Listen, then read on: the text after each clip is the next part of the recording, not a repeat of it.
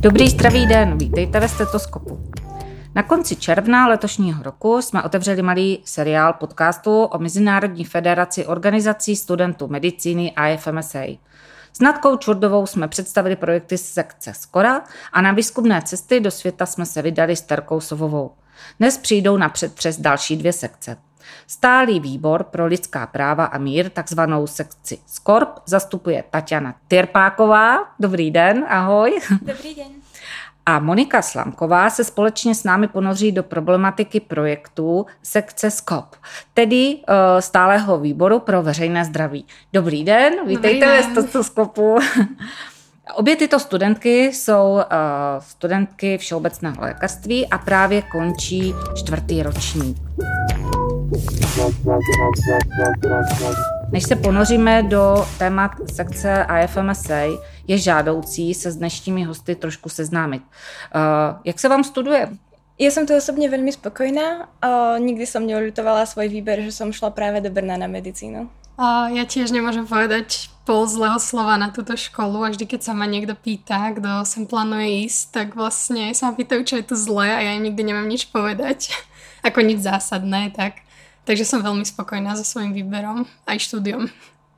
Uh, co bylo trošičku zklamáním třeba na fakultě, že jste měli větší očekávání?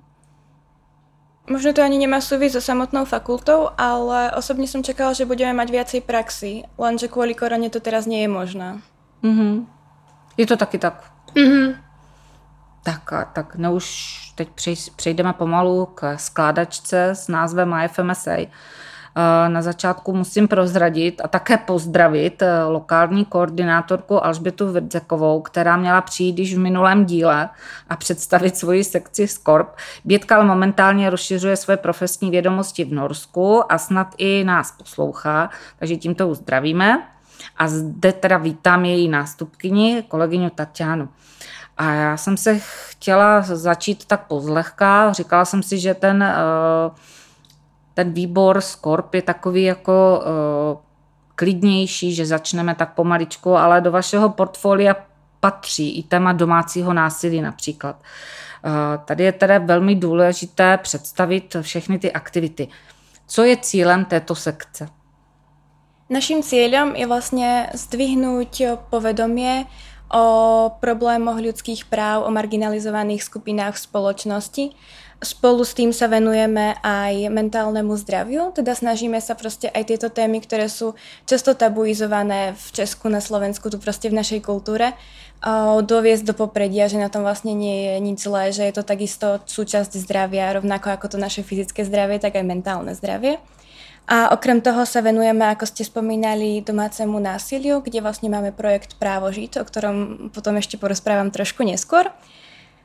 A teda našim hlavným cieľom je práve to, aby sme voviedli, zvýšili povedomie ľudí o problémoch, o ktorých sa nevraví a snažili sa naozaj doviesť k tomu mieru v spoločnosti. Kto je cílovou skupinou ve vaší sekci? Našou cieľovou skupinou, tak ako u celej IFMSA, mierime prevažne na študentov. Ale nie len na to, snažíme sa teda šíriť povedomie aj na stredných školách a aj medzi širšou verejnosťou, keďže vlastne niektoré naše príbehy zdieľame aj na Instagrame.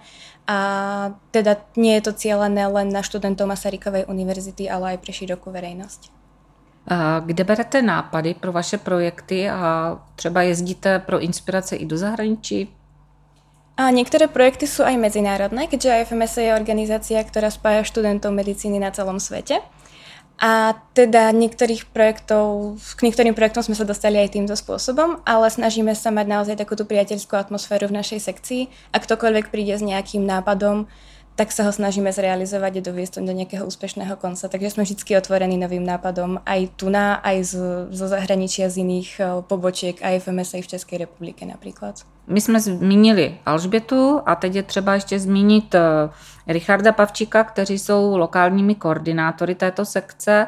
Kolik je v této sekci vlastně zaměstnanců v uvozovkách? Kolik studentů se jí věnuje? V našej sekcii je viacero študentov, keďže mnohé naše projekty nemajú len jedného koordinátora, ale je to vlastne spolupráca, je to taký brainstorming viacerých ľudí, teda máme aktívnejších aj pasívnejších členov, ktorí sa napríklad zapájajú len do nejakých tých spoločných projektov, sú takí, ktorí sú koordinátori nejakého svojho konkrétneho projektu, ktorý vedú sami. A čo sa týka Ríša a Betky, tak oni sú teda naši lokálni koordinátori, ktorí vedú celú našu sekciu tento rok. A zároveň majú aj svoje vlastné projekty, s ktorými pomáhajú a, a s ktorým nám pomáhajú, aby sa rozvíjali tým správnym smerom. Vy jste skromná, vy jste neřekla to, ten konec. Co čeká teda tuto sekci v příštím roku? v ďalšom roku teda budem preberať ja ešte s Andreou Valčuhovou a budeme sa teda snažiť pokračovať v tom, čo začali Ríšo a Betka a máme aj nejaké ďalšie svoje nápady, ktoré by sme chceli uviezť do praxe. E, když realizujete nějaký projekt, e, spolíháte se jenom na svoje zdroje, lidské zdroje, nebo k vám přijdou i externisté, zvete si odborníky odinut? V závislosti na tom, aký projekt to je, ale samozrejme snažíme sa uh, konzultovať to aj s odborníkmi v danej téme. Napríklad pri projekte Právo žiť sme mali uh, ľudí, ktorí pracujú buď na krízových centrách, bo prednášala nám tam policajtka, ktorá sa špecializuje vlastne, je v interdisciplinárnom týme Brna pre domáce násilie a taktiež spolupracujeme s psychológmi, s lekármi, so zdravotnými sestrami, ktoré sa akože orientujú v daných problematikách. Takže naozaj sa snažíme vzdelávať sa v tom a oslovovať tých ľudí, ktorí sú naozaj v tom dobrí, aby nám mohli predať svoje znalosti. Tak teď už půjdeme k těm konkrétním projektům. Prvním z nich je uh, projekt, který je směrovaný ale do vně vaší organizace, uh, přímo na mediky. Který to je projekt? Je to Mental Health Nights, je to národný projekt z Korfu, uh, ktorý uh, začal, myslím, v Hradci Královej a tento rok sme ho začali robiť aj my. Snažili sme sa to uh, teda chceli sme to spraviť tou pôvodnou formou, ako je to mienené, že je to vlastne večer na, niekde na fakulte prenajatý priestor, prídu, prídu tam ľudia, ktorí sa prihlásia, budeme tam mať svojich lektorov, napríklad arteterapia, yoga, rôzne spôsoby vlastne, ako sa odreagovať a ako vlastne čo najviac dať do poriadku to svoje mentálne zdravie. Ale keďže kvôli korone sme to nemohli spraviť takto, tak tento prvý ročník fungoval online formou. Mali sme prednášky, mali sme prednášky mindfulness, workshop Nevyhorím, kde sa vlastne rozprávalo práve o tom, ako predísť tomu burnoutu, prejsť tomu vyhoreniu, ako si vedieť zatriediť správne svoj, ako nejako ideálne zatriediť svoj čas, mať čas aj na seba, na oddych. A veríme, že teda v ďalších rokoch a už aj teraz v zime by to bolo robené naozaj touto formou nadvezujúcich na seba workshopov, prípadne možno aj celý víkend a ľudia by mohli teda prichádzať a odchádzať, ako by chceli na niektoré prednášky, ktoré by chceli vidieť a celé je to mienené tak, že vlastne vždy bude najskôr predstavená tá forma terapie a potom tam bude aj praktická ukážka, aby si to mohli ľudia vyskúšať. Vy máte asi blízko k Joze? Je to tak? Začala som to cvičiť asi možno pred dvoma rokmi a baví ma to a snažím sa v tom rozvíjať. A je to podľa mňa výborný relaxačný spôsob, ale zároveň ako si uvedomím, že to samozrejme nie je pre každého, preto aj v rámci Mental Health Nights by sme chceli mať široké portfólium, chceli by sme mať kanisterapiu a čokoľvek, čo sa bude dať spraktizovať. Já jsem zmínila tu jogu, protože sedíte asi v pozici lotosu, nebo trošku na turka, jak bych řekla. Áno, tak, tak to jsem seděla už skôr, než jsem zjistila, ako sa to volá. Mě osobně zaujal projekt, který uh, směřuje uh, opět na mediky uh, a nabízí jim základní komunikační dovednosti pro styk s náročnými pacienty. Uh, samozřejmě tady vše v souladu s etiketou a lidskými právy. Jak se tady tato aktivita jmenuje a jak to vypadá v praxi? Volá sa to Komunikácia v praxi. Je to projekt, ktorý uh, sme začali rozbiehať vlastne v tomto jarnom semestri. Uh, teraz prebehli prvé workshopy na školenie lektorov a um, bude to ešte nasledovať ďalším pravdepodobne víkendovým workshopom na začiatku ďalšieho semestra. a potom by sa mali už uskutočniť workshopy pre medikov. Budú to teda tri workshopy, v každom z nich bude viacero situácií, ktoré budú hrané hercami a tí samotní účastníci budú musieť interagovať práve s tým hercom na základe materiálov, ktoré oni dostanú, čo si naštudujú a budú si môcť v praxi vlastne vyskúšať, aké je to hovoriť s nejakým agitovaným človekom, s opitým človekom, schizofrenikom v nejakej akože horšej fáze toho ochorenia. Čiže to by ich malo vlastne naučiť formou simulácií, ako potom postupne postupovať. Robíme to vlastne v spolupráci s pánom docentom Svietlákom, ktorý vedie Ústav psychológie a psychosomatiky a vlastne bude to podobným spôsobom robené, tak ako v štvrtom ročníku, keď je blok psychológie, tak na jeho konci sú vlastne takéto hrané scénky. Oni majú vlastne na to najatých priamo hercov a môžete si to tam priamo v praxi vyskúšať. Takže toto bude niečo podobné, ale bude to podrobnejšie spracované pre študentov, ktorí by sa chceli rozvíjať. Mhm. Budete se třeba u toho nahrávat na videa, aby si mohli sa poučiť z toho svého vystoupení tam? Zvažovali sme aj túto verziu, aby si to potom oni sami mohli pozrieť a rozanalizovať, ale ešte to nemáme ako fixne dohodnuté. Možno uvidíme aj po tom 0. ročníku. My jsme skočili teď hned do prosince. 10. prosince se slaví na počest přijetí Všeobecné deklarace lidských práv valným zhromážděním OSN v roce 48 Mezinárodní den lidských práv. Vy je ale neslavíte, vy je oslavujete prací, vy pracujete. Jak konkrétně? V našej sekcii je vlastne ten Human Rights Day, um, ten Medzinárodný deň ľudských práv, ako národný projekt. Každý rok sa vlastne sa vyberie nejaká téma, ktorej sa bude venovať cel, skoro v celej republike. A je to, sú to spojené rôzne projekty. Napríklad tento posledný rok sme mali rozhovor s pánom Gorduličom, ktorý teda súhlasil, že s nami spraví taký video podcast, ktorý tiež teda musel byť len v online forme. Bolo to na tému hoaxy a dezinformácie. Keďže aj to je niečo veľmi dôležité pre problematiku ľudských práv, keďže častokrát sa stretávame práve s tým, že ľudia odsudzujú nejakú menšinu alebo marginalizujú skupiny spoločnosti práve kvôli tomu, že sú obeťami dezinformácií. Takže to, do tejto problematiky sme sa pozreli s ním. Potom to potom sme mali v rámci našich projektov ešte kampaň na Instagrame. Tam to vlastne prebiehalo formou na štýl, ako je Humans of New York a Humans of Prague, ak to poznajú naši poslucháči. Je to vlastne spôsob, že je publikovaná fotka a človek, uh, nejakého človeka na ulici, nejakého človeka s príbehom a ten človek povie pár slov k tomu, čo by on chcel odkázať svetu. A u nás to bolo práve zamerané na tie ľudské práva.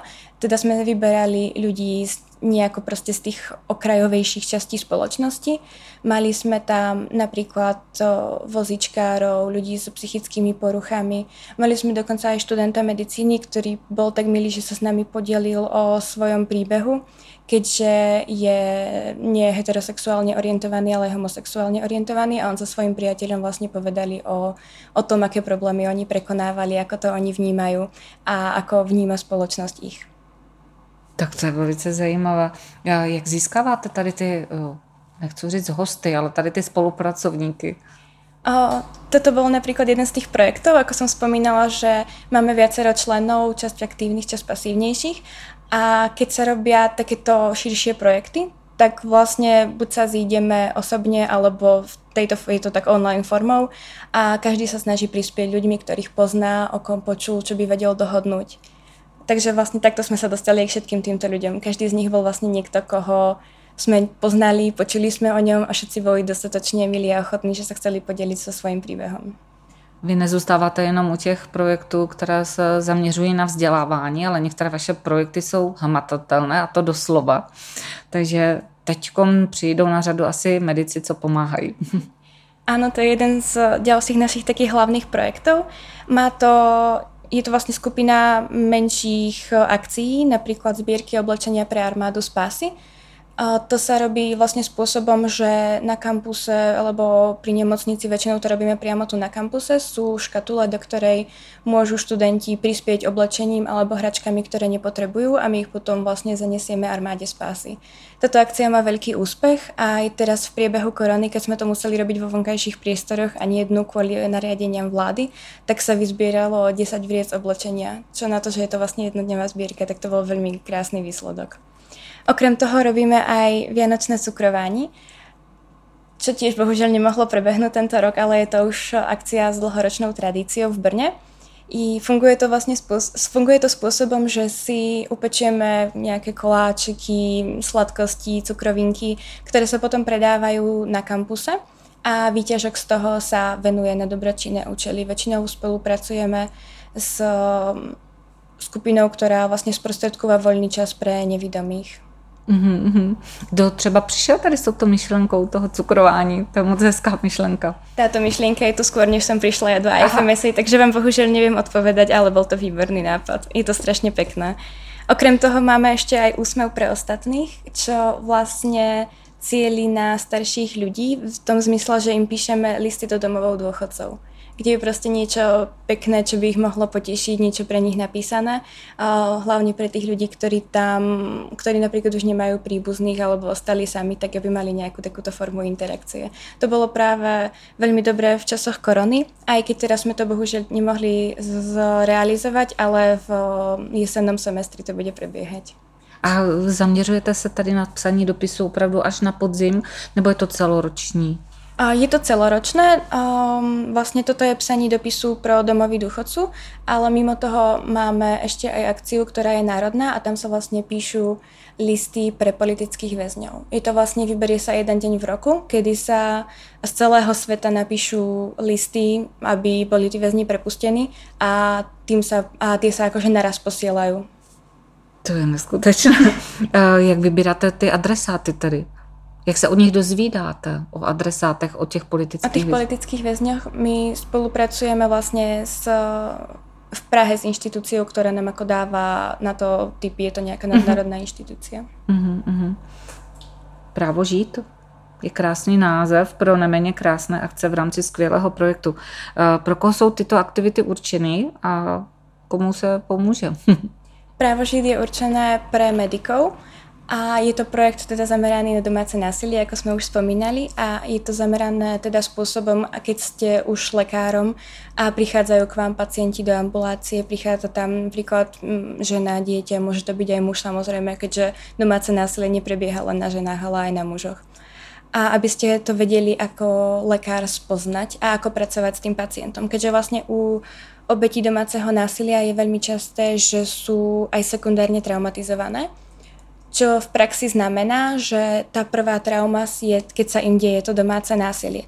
Ale častokrát aj keď sa s tým rozhodnú už niečo robiť, tak vla, prídu k lekárovi, ktorý to nejako buď bagatelizuje, povie, že to nič nie je, to je v poriadku, keď dá muž žene facku, alebo podobný problém. Potom prídu s tým príbehom na policiu, kde musia celý ten príbeh povedať znova, musia ho znova povedať svojmu právnikovi. Ak sa zmení vyšetrovateľ v ich jednaní, znova celé to isté. A vlastne čím viackrát to oni hovoria, tým viackrát sú sekundárne traumatizovaní. Takže toto by malo pomôcť práve tomu, aby medici, ktorí sa chcú vzdelávať v tejto oblasti a vedieť, ako narábať s takouto špecifickou skupinou obyvateľstva, tak aby vedeli, ako s nimi jednať, ako im ešte viac neublížiť, ale aj ako to spoznať, ako proste pomôcť tým ľuďom, aby, s tým aby proste začali podnikať ďalšie kroky. Je to teda víkendový workshop, ktorý je, má aj národnú koordinátorku z Hradci Kráľovej, ktorá to práve tam založila a tento rok sa to rozbieha aj na ostatných pobočkách IFMSA v celom Česku.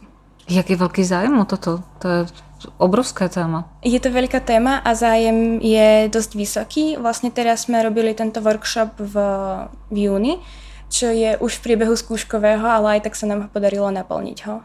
Pro kolik teda lidí to bylo? Kvôli nariadinám vlády to teraz bolo len pre 10 ľudí, takže to bolo akože je to také menšie, ale mali sme na to veľmi dobré ohlasy a naplnilo sa to do pár minút, čo sa to vypísalo. Tak to je krásný.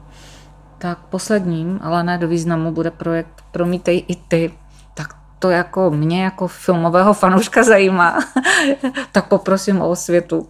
je to projekt práve Richarda Pavčíka, a o, tento rok to bohužiaľ nemohlo prebiehať, keďže tam to vlastne vyžaduje tú fyzickú prítomnosť.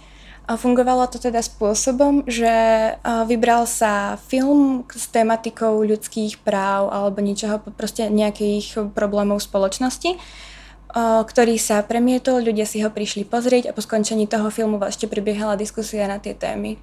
Mm-hmm. Je tam třeba možnost během toho filmu nebo během té diskuze třeba ještě udělat nějakou sbírku charitativní nebo uvažujete o ničem takovým? Bola by to možnosť samozrejme, ale tým, že vlastne na tie charitatívne zbierky už máme projekty Medici pomáhajú, tak to Promitej mm-hmm. IT ostalo oddelené od toho samostatne. To je jeden z projektov, ktoré dúfame, že sa nám podarí oživiť po tom, čo povolia vládne nariadenia a čo skončí korona. Tak jsme probrali vaše stávající projekty, tak možná pohled do budoucnosti, čím se budete v budoucnosti zabývat, jestli už máte něco v hlavě, něco v rukávě a něco v šuplíku. my sme práve spolu s Aťkou chceli pokračovať v zameraní na mentálne zdravie. Chceli by sme robiť ďalšiu osvetu aj čo sa týka rôznych chorôb, ktoré nie sú tak známe. A napríklad je teda už tak akože všeobecne známa povedzme epilepsia, že ľudia už keď vidia niekoho mykať sa na ulici, tak skôr k nemu priskočia a snažia sa mu nejako pomôcť. Ale choroby, ktoré nemajú až takú osvetu, napríklad Turetov syndrom, alebo rôzne iné ochorenia, tak a, ak ľudia vidia človeka s nejakými závažnejšími prejavmi týchto ochorení na ulici, tak ho proste prekročia a obídu. A našim cieľom by bolo vzdelávať teda hlavne medikov, ale aj rôzne iné populácie práve pred a práve o týchto chorobách, aby sa tým ľuďom dostala pomoc vtedy, keď ju potrebujú. Spolu s, so Skoumi by sme chceli začať aj projekt pre študentov v medziročníku, čo je vlastne veľmi aktuálna téma na medicíne. A malo by to fungovať teda spôsobom, že by sme im pomohli, keď sa už dostanú do tejto situácie, že sú v medziročníku, tak eh, je veľmi ťažké zistiť, čo majú robiť, keďže o tom nie je až také nejaké povedomie, tak aby proste vedeli, že treba robiť toto, takto si vybrať predmety, tým, týmto vám môžeme pomôcť, čo s tým časom, môžete ísť na stáž, môžete robiť to a to, treba to riešiť vtedy a vtedy. Takže vlastne taký projektik pre nich, aby neostali sami v tej situácii, ale by vedeli, že, sa to, že v tom boli viacerí ľudia a aby vedeli, čo robiť ďalej. No projektu je obrovská spousta a teď jde o to, jestli máte dost lidí. jak třeba nabíráte lidi, jak oslovujete studenty, IFMSA má na začiatku každého semestru náborovú, chvo- náborovú schôdzu, kde sú predstavené všetky naše sekcie a všetky projekty a po tej samotnej náborovej schôdzi je aj možnosť porozprávať sa priamo s koordinátormi týchto projektov, keďže sme všetci tam. A ktokoľvek by sa chcel k nám pripojiť, tak budeme samozrejme veľmi radi. Stačí buď napísať priamo niekomu z nás, alebo sa zúčastniť tejto náborovej schôdze. Vlastne všetky naše kontaktné informácie sú na internete na stránkach IFMSA, takže my sme radi za každého človeka, ktorý by nám chcel pomôcť a zapojiť sa. A vy osobne, jak to stíháte? Máte školu, končíte čtvrťák, máte chviličku po zkouškovém. Jak je to moc náročný práce pro FMSA? Je to samozrejme časovo náročné, ale um, vždycky je to vlastne o tom, ako si ten čas zatriedíte a keď je to niečo, čo vás baví a čo máte pocit, že pomáha a že vlastne má to zmysel, tak vtedy sa do toho oplatí dať tie svoje voľné chvíle. Tak to je krásny. Uh, Prospěla jste tento ročník, máte uzavřený? Áno, vlastne pred pár dňami som mala poslednú skúšku z farmakológie a teraz už mám voľno. Tak e, pro posluchače a pro uchazeče, dejme tomu, a příští naše prváky, informace, že se to dá krásne skloubit ze studia. Áno, nie je to vôbec žiaden problém. Príďte k nám na náborovú schôdzu, veľmi sa tešíme. A už se obrátíme tady na chviličku k Monice, doteď téměř mlčící a přiblížíme si sekci SKOP. O této sekci by se dalo říct, že jsou takovými sluníčky mezi uh, projekty a podobně. Uh, vy se zaměřujete asi na širší veřejnost, nejenom na studenty. A když říkám širší veřejnost, tak myslím opravdu širokou, protože tam jsou zahrnuty oba póly tady té škály. Teda kdo jsou vašimi klienty a na koho tedy cílíte tu osvětu? No, tak ako už vlastne ten samotný názov hovorí, a že sme vlastne public health, takže vlastne verejné zdravie a vlastne naša sekcia sa zameriava na, zameriava na fakt širokú verejnosť od vlastne najmenších detí v škôlkach až po staršie generácie vlastne v domov dôchodcov alebo vlastne až od zdravých ľudí ktorým sa snažíme vlastne podať tie informácie, aby sa nestali chorými, až po tých vlastne chorých ľudí, ktorí už sa nachádzajú v tých nemocniciach. Takže vlastne naozaj cílime na veľmi širokú, širokú verejnosť. Uh-huh. A jaký má vlastně cíl tady táto sekce? No tak vlastně, vlastně náš cíl je uh, robiť nejakú takú celkovú osvetu vlastne v oblasti prevencie, vlastne popularizovať nejaké zdravotnícke témata pre lajkov, robiť osvetu, čo sa týka civilizačných ochorení a nejak oslovovať vlastne tú širokú verejnosť a priblížiť im tieto témata a aby sa nejak menej báli vlastne tých zdravotníckých témat a mali vlastne lepšie vedomosti v tejto oblasti. Mm-hmm. Dá se říci, že jedním z pilířů je projekt eh, pro život. Co je jeho posláním a do jakých institucí chodíte? No tak musím povedať, že pro život je taká moja srdcovka v FMSI, keďže som tam vlastne uh, začínala a potom som sa nejak dostala až tu, kde som teraz. A vlastne pro život je projekt, ktorý sa venuje prvej pomoci a vzdelávaní vlastne lajkov tou uh, vlastne basic life support. A uh, tam sa vlastne venujeme uh, zase od uh, stredných škôl cez aj základ, vlastne od základných škôl cez stredné školy až po vysoké školy. No a v poslednej dobe sme chceli vlastne rozbehnúť uh, vzdelávanie tejto prvej pomoci aj vo firmách, čo nám ale uh, teda COVID trochu prerušil, ale dúfame, že hneď ako to bude možné, tak budeme v tomto pokračovať. Mm-hmm. Jak si vybíráte instituce, nebo naopak, jak oni vás oslovují? Hm.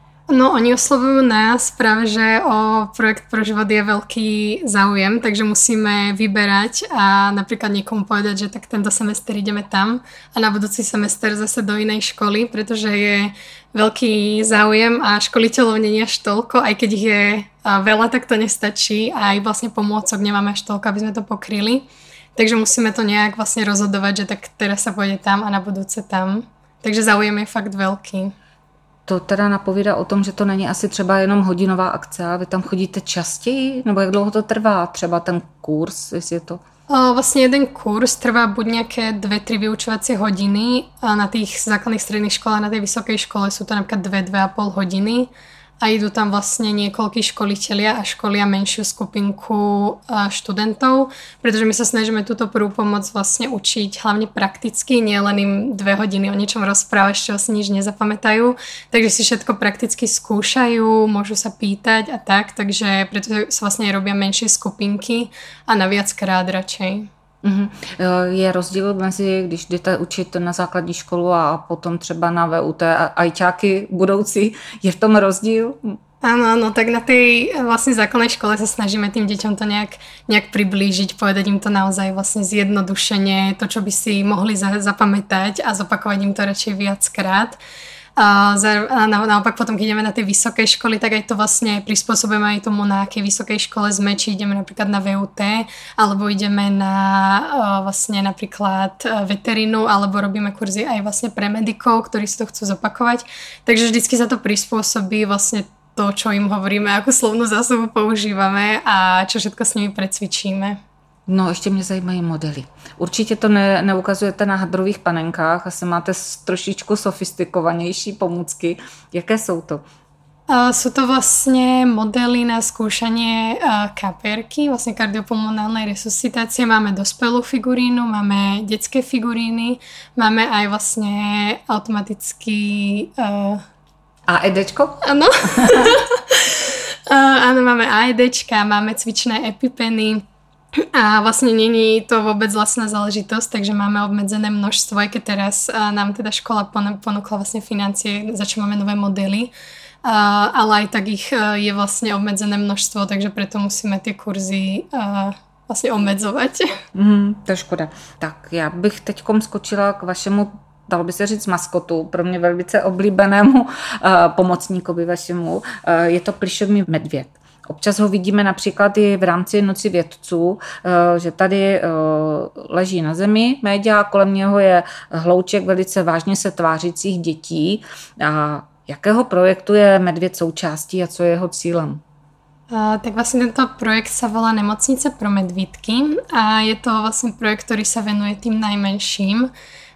Je to vlastne veľký plišový medveď uh, s orgánmi, ktorý sa dá obvezovať a vyšetrovať a naši lektori chodia do škôlok a učia vlastne deti uh, jednak tie orgány v tom medveďovi, aby sa to nejak naučili, snažia sa im nejak priblížiť uh, vlastne tie, to zdravotníctvo, aby sa toho nebáli, aby sa nebáli bieleho plášťa, keďže oni sami si to vlastne tie plášte oble, oblečú a hrajú sa na doktorov, majú rukavice, majú fonendoskopy a vlastne ošetrujú ako keby toho medveďa.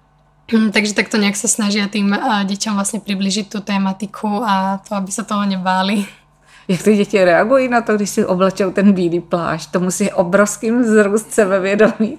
No asi áno, asi sa cítia zrazu dospelo. A väčšinou to tie deti naozaj baví a sú také, také šťastné potom, takže... Kam chodíte třeba na ty akce mimo Noc vědců?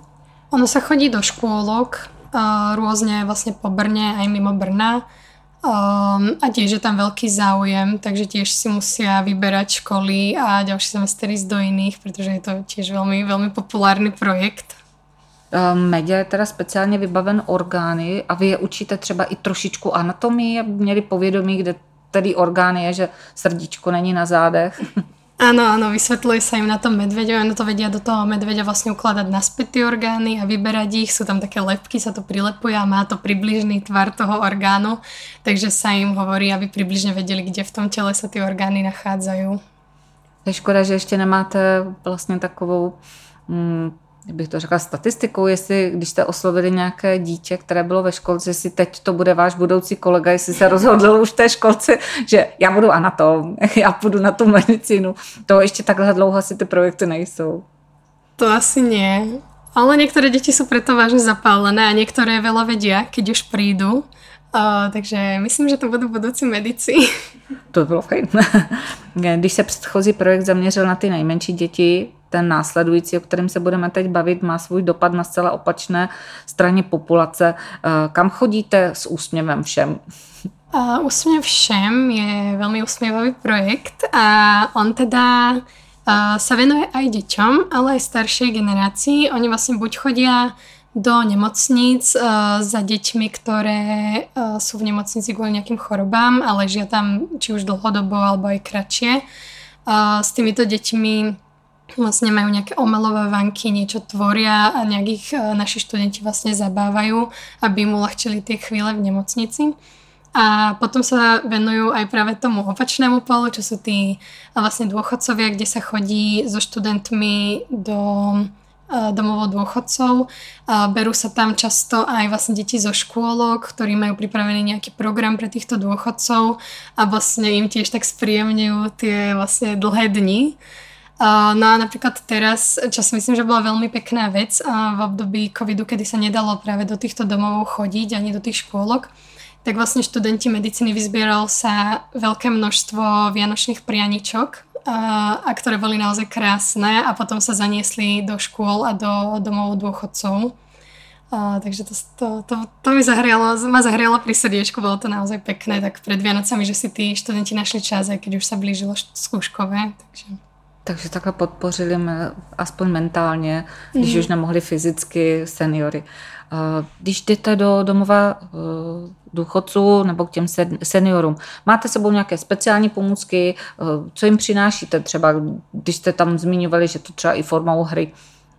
Oni sa berú nejaké vlastne pomôcky na to, čo sa dá tvoriť, čiže nejaké, s deťmi sa robia nejaké zvieratka, s tými duch, vlastne do, s tými dospelými v tom dome dochodcov sa robia asi teda nejaké zložitejšie veci, možno nejaké výzdoby a tak. Takže majú širokú, širokú škálu a každý medic, ktorý je zapojený v tomto projekte, má vlastne možnosť um, prispieť svojim vlastným nápadom, ak ho napadne niečo tvorivé, čo sa dá robiť, tak vlastne všetci sme tomu otvorení a môže uh, to zaviesť do praxe. Mě trošičku fascinuje, jak vy, mladí lidé, opravdu hodně mladí lidé, studenti, jak se dokážete vcítit do potřeb toho seniora? Mm, tak možno až tak není dôležité. Možno práve, čo tí seniory potrebujú, aby sme im tam priniesli to mladí. No. Takže možno sa netreba až tak vciťovať. A skôr im tam priniesť nejakú tú radosť a to zdravie a nejakú energiu. A trošičku im rozbourat ten stereotyp. Áno, áno, narušiť ten dlhý deň trochu zábavy. A, a A nejenom teda jeden projekt, ale i ten další je věnovaný starší generaci, projekt, projekt s názvem Den seniorů. Ale to už nejste v domovech, to už vyrážíte někde naproti těm seniorům. Kde vás najdeme?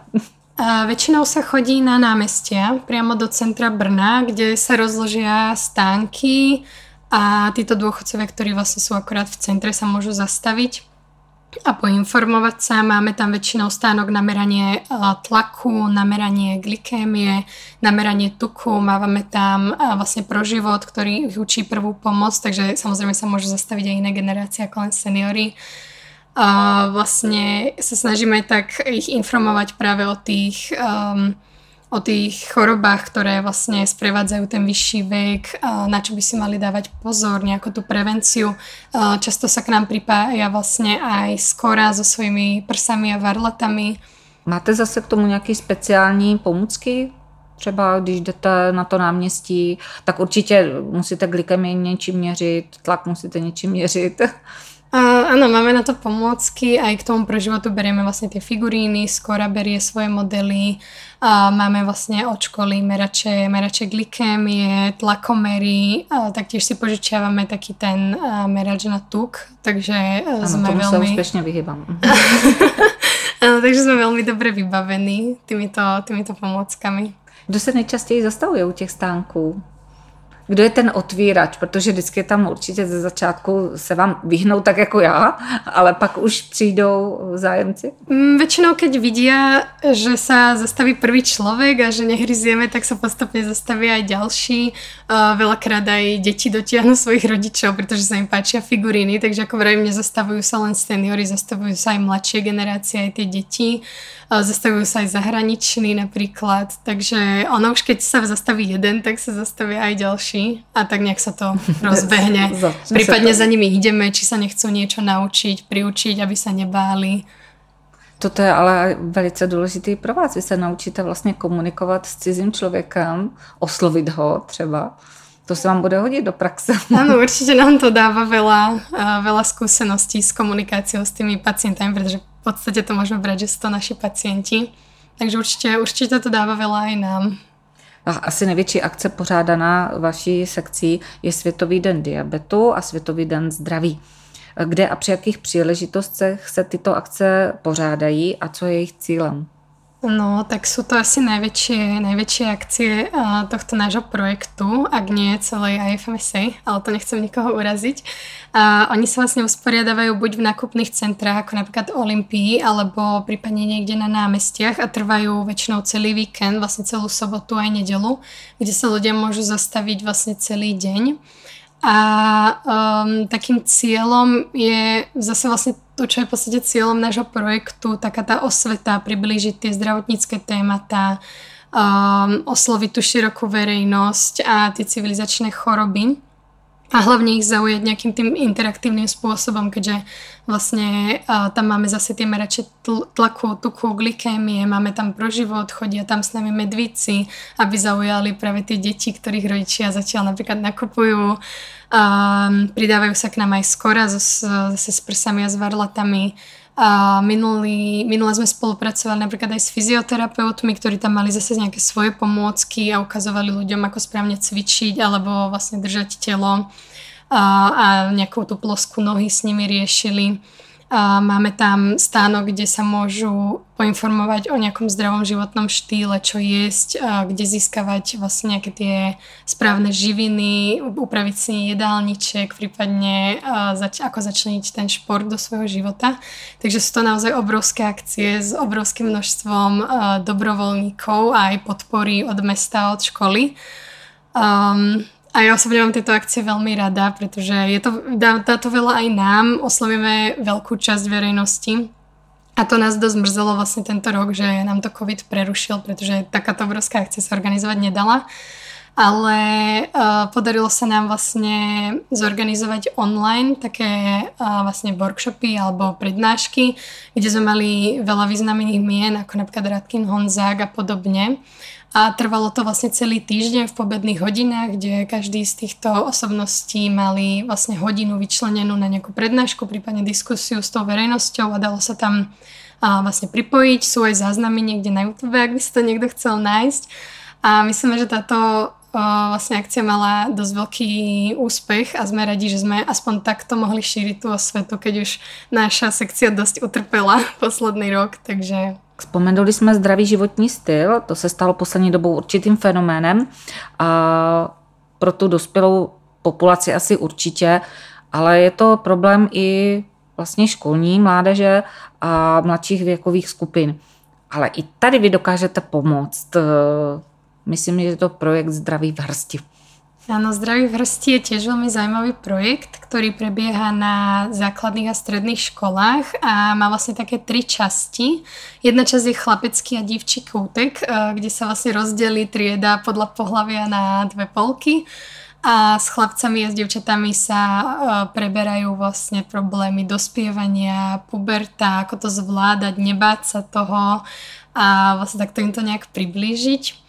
Potom ďalšia časť je zdravý košík, kde sa zase zameriava na, zameriavajú na ten jedálniček, ako si upraviť tú stravu, čo je zdravé, čo není, kde získavať eh, živiny z akých potravín.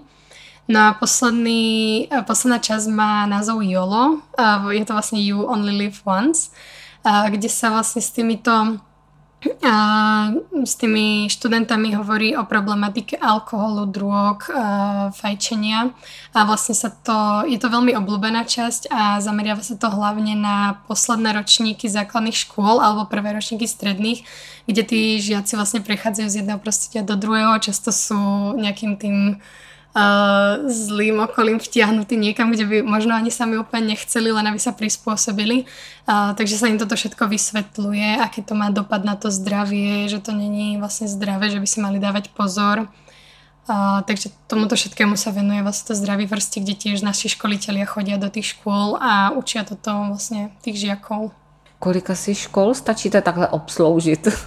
No zase je to veľké množstvo, vlastne väčšinou tie školy, ktoré sa nám ozývajú kvôli životu, tak majú takisto kontakt vlastne na toto zdraví vrsti, takže zase je to veľké množstvo, kde zase musíme jeden semester ísť tam a ďalší semester tam, aby sme pokryli vlastne všetky školy, keďže tam je v jednom ročníku aj viac tried, uh, takže aby sme to nejak zvládli časovo.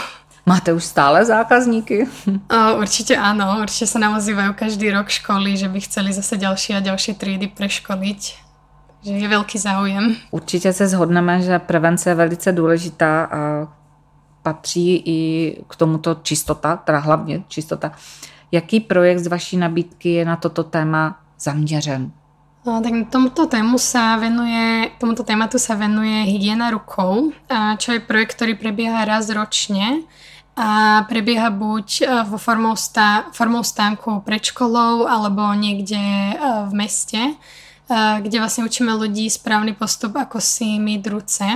A máme tam presné vysvetlivky, kde to majú graficky znázornené a potom im dáme vlastne mydlo, ktoré je značené, kde si potom tie ruky následne, ako si ich umýjú, strčia pod UV lampu a, a môžu vidieť presne okrsky, ktoré to mydlo vlastne uh, umilo a ktoré ostali neumité. A niekedy je to vážne prekvapujúce, pretože aj veľa medikov, keď to vyskúša, tak zistí, že si vlastne umýva ruky úplne zle. Takže aj pre medikov, ktorí sa zastavia, je to niekedy veľký šok, aj pre tých ľudí. Uh, takže snažíme takto im vlastne ich naučiť, ako si správne myť ruce, čo je hlavne v tejto dobe celkom teda dôležité. Máte nějak podchycené, co všechno na těch eh, rukách můžeme nést? Čím se můžeme ohrozit? No tak ono sa hovorí, že jedno z najmenej hygienických miest sú vlastne tie ruky, keďže chytíme strašne veľa vecí. Takže ja myslím, že z tých rúk môžeme chytiť naozaj všetko, hlavne v MHDčke alebo podobne. Je dobré nosit teda sebou pořád ty gely, i když nejsou uh, nějaké covidové opatření? Tak ja osobne ich nosím za sebou stále, určite to každému odporúčam. Ja s tým asi začala, ako som začala cestovať vlakom na, do, na výšku. A je to, určite, je to určite dobré nosiť to stále za sebou. Tak jedním možná z posledních projektů, který představíme v této sekci, eh, je projekt, kde se zase objevuje zvíře. A to lev. Eh, krásné heslo, heslo provází i krásnou aktivitu tak sem s ní. Mm, takže tento projekt sa volá Budí jak lev daruj krev, ktorý sa venuje motivácii širokej verejnosti, ale aj študentov k tomu, aby darovali krv. a, a vlastne sa tento projekt uskutočňuje každý semester. A tento vlastne kvôli tejto dobe sme rozbehli ďalšie, kde môžu darovať rekonvalescentnú plazmu, na čo sa minulý semester natáčalo aj motivačné videjko, kde jeden náš študent vlastne išiel darovať túto rekonvalescentnú plazmu a potom sa to vysielalo na škole a v nemocniciach. Proč plazma? Proč je významná? A, tak tá plazma je významná v tejto dobe vlastne kvôli protilátkam a odoberá sa, aby vlastne ľuďom, ktorí majú ťažší priebeh napríklad covidu, tak sa im práve táto plazma dá s tými protilátkami, prípadne aby neochoreli vôbec na toto ochorenie. Máte přehled, eh, kolik lidí se vám podařilo oslovit a zlákat na dárcovství? Presný počet nemám, ale myslím, že každý, každý semester, keď preberal to darovanie krvi, tak vlastne vždy, keď bol nastavený nejaký limit, tak myslím, že vždycky bol dosiahnutý a dokonca aj prekročený. Takže tá ochota tých ľudí je fakt veľká, čo je skvelé. Myslím, že to jsme to portfolio vaše celkem vyčerpali. Teď ještě bude otázka na Tatianu, jestli máme tam ještě nějaké uh, jiné sekci, jestli jsou nějaké novinky, nebo ještě nezapomněli jsme na nějaký projekt? V rámci uh, Skorpu a aj celkovej AFMSA sa ešte bude rozbiehať jeden projekt, ktorý by mal začať teraz na podzim. Je to projekt uh, s názvom Pomôž druhým, pomôž sebe a je to vlastne, bude to spájať viacero sekcií dokopy. Myšlienkou tohto projektu by malo byť uh, pomôcť študentom k mentálnemu zdraviu formou športu. Teda v aplikácii sa môžu, môžu sa zapojiť, budú chodiť behať za každý kilometr, ktorý odbehnú by náš sponzor prispel istú čiastku na hospic v Čebíči. Aha, tak e, to už jsme tady, myslím, minule zmiňovali, tak to je krásný projekt. No, k tomu ešte potom je aj portfólio podcastov, príspevkov. Ty podcasty sú s pánom doktorom Kabelkom, ktorý bol tak zlatý, že si na nás našiel chvíľku a porozprával nám o paliatívnej peči a tým sa vlastne šíri aj osveta o tom, keďže mnohí študenti aj priamo medicíny nevedia, čo presne zahrania paliatívna peče. Mm-hmm. Mě teď napadla taková otázka, když eh, vy se zaměřujete na tu prevenci a snažíte se širokou veřejnost nabádat k zdravému životnímu stylu a podobně. Nebudou vám chybět pacienti, až budete doktoři? Mm, tak to je dosť možné. Keby nás všetci počúvali, tak by sme možno boli nezamestnaní. Ale tak my sme radi, že čím viac ľudí uh, sa pri nás zastaví a dá sa poučiť, získa nové informácie, tak, um, tak tým lepšie. Aspoň vieme, že to naše poslanie je nejak, uh, vlastne splne, nejak splnilo účel. Tak možná, když budete mít méně pacientů, tak zase se budete moc intenzivněji věnovat těm, co to budou potřebovat. Prázdniny jsou v plném proudu, jedete někam na stáže, využijete služeb Terky Sovové, abyste se dostali na nějaké výzkumné stáže? V tomto roku osobně nejdem nikam, ostávam teda praxovať v Brně a doma v Prešove. Mm-hmm. Ja som vlastne mala ísť na klinickú stáž do Gruzie, kam som sa veľmi tešila, ale bohužiaľ, ako aj ďalšie mnohé stáže sa zrušila aj táto. Uh, takže som si to nahradila stážou tu v Brne v detskej nemocnici a tak nejak uh, mám v pláne si hlavne oddychnúť a ale nech, nenechám si určite túto príležitosť ujsť na budúci rok, takže dúfam, že už na budúci rok to vyjde. Berete sebou medvieda? na odpočinek. tak niečomu sa v noci pritulí. Nie, je príliš veľký, takže nech si aj on oddychne cez prázdniny. Uh, jak budete teda relaxovat? Stáže jsme tady zmínili, ale bude tam ještě čas i na nějaký sport nebo k moři. No tak ja za pár dní odlietam vlastne k moru, tak uh, si asi doprajem poriadny odpočinok po tomto náročnom roku. A inak uh, tak nejak, no, Knížky ano, sebou jsou nabalené. Knížky, šport ne... a všetko, na čo není počas roku poriadne čas. Doufám, že to nejsou nějaké atlasy a naučná literatura. Nie, nie, to by som asi presiahla hmotnosť, ktorú môžem brať do lietadla, takže zvolím nejakú ľahšiu literatúru. Jak to má Tatiana? Ja mám v pláne asi teraz stráviť čas doma s rodinou, keďže ako bola korona, tak som nestihala chodiť domov až tak často. Keďže som práve z Prešova, čo je trošinku ďalej. Takže tá cesta zaberá veľa času, takže asi hlavne budem ostávať teraz doma, aby som si to trošku vynahradila. Tak já vám popřeju krásné prázdniny, ať se vám to všem povede, tak jak má. Popřeju na našim hostům užitečné odpočívání, a až je v ulicích eh, či nákupních střediscích potkáte, zastavte se u nich už teď. Eh, nebudete je muset totiž vyhledat a prosit o pomoc, až budou oni hotovými lékaři. Za Plišovo preventivní povídání děkuji dvojici našich hostů, Tatiana Tyrpákové. Děkuji za pozvání.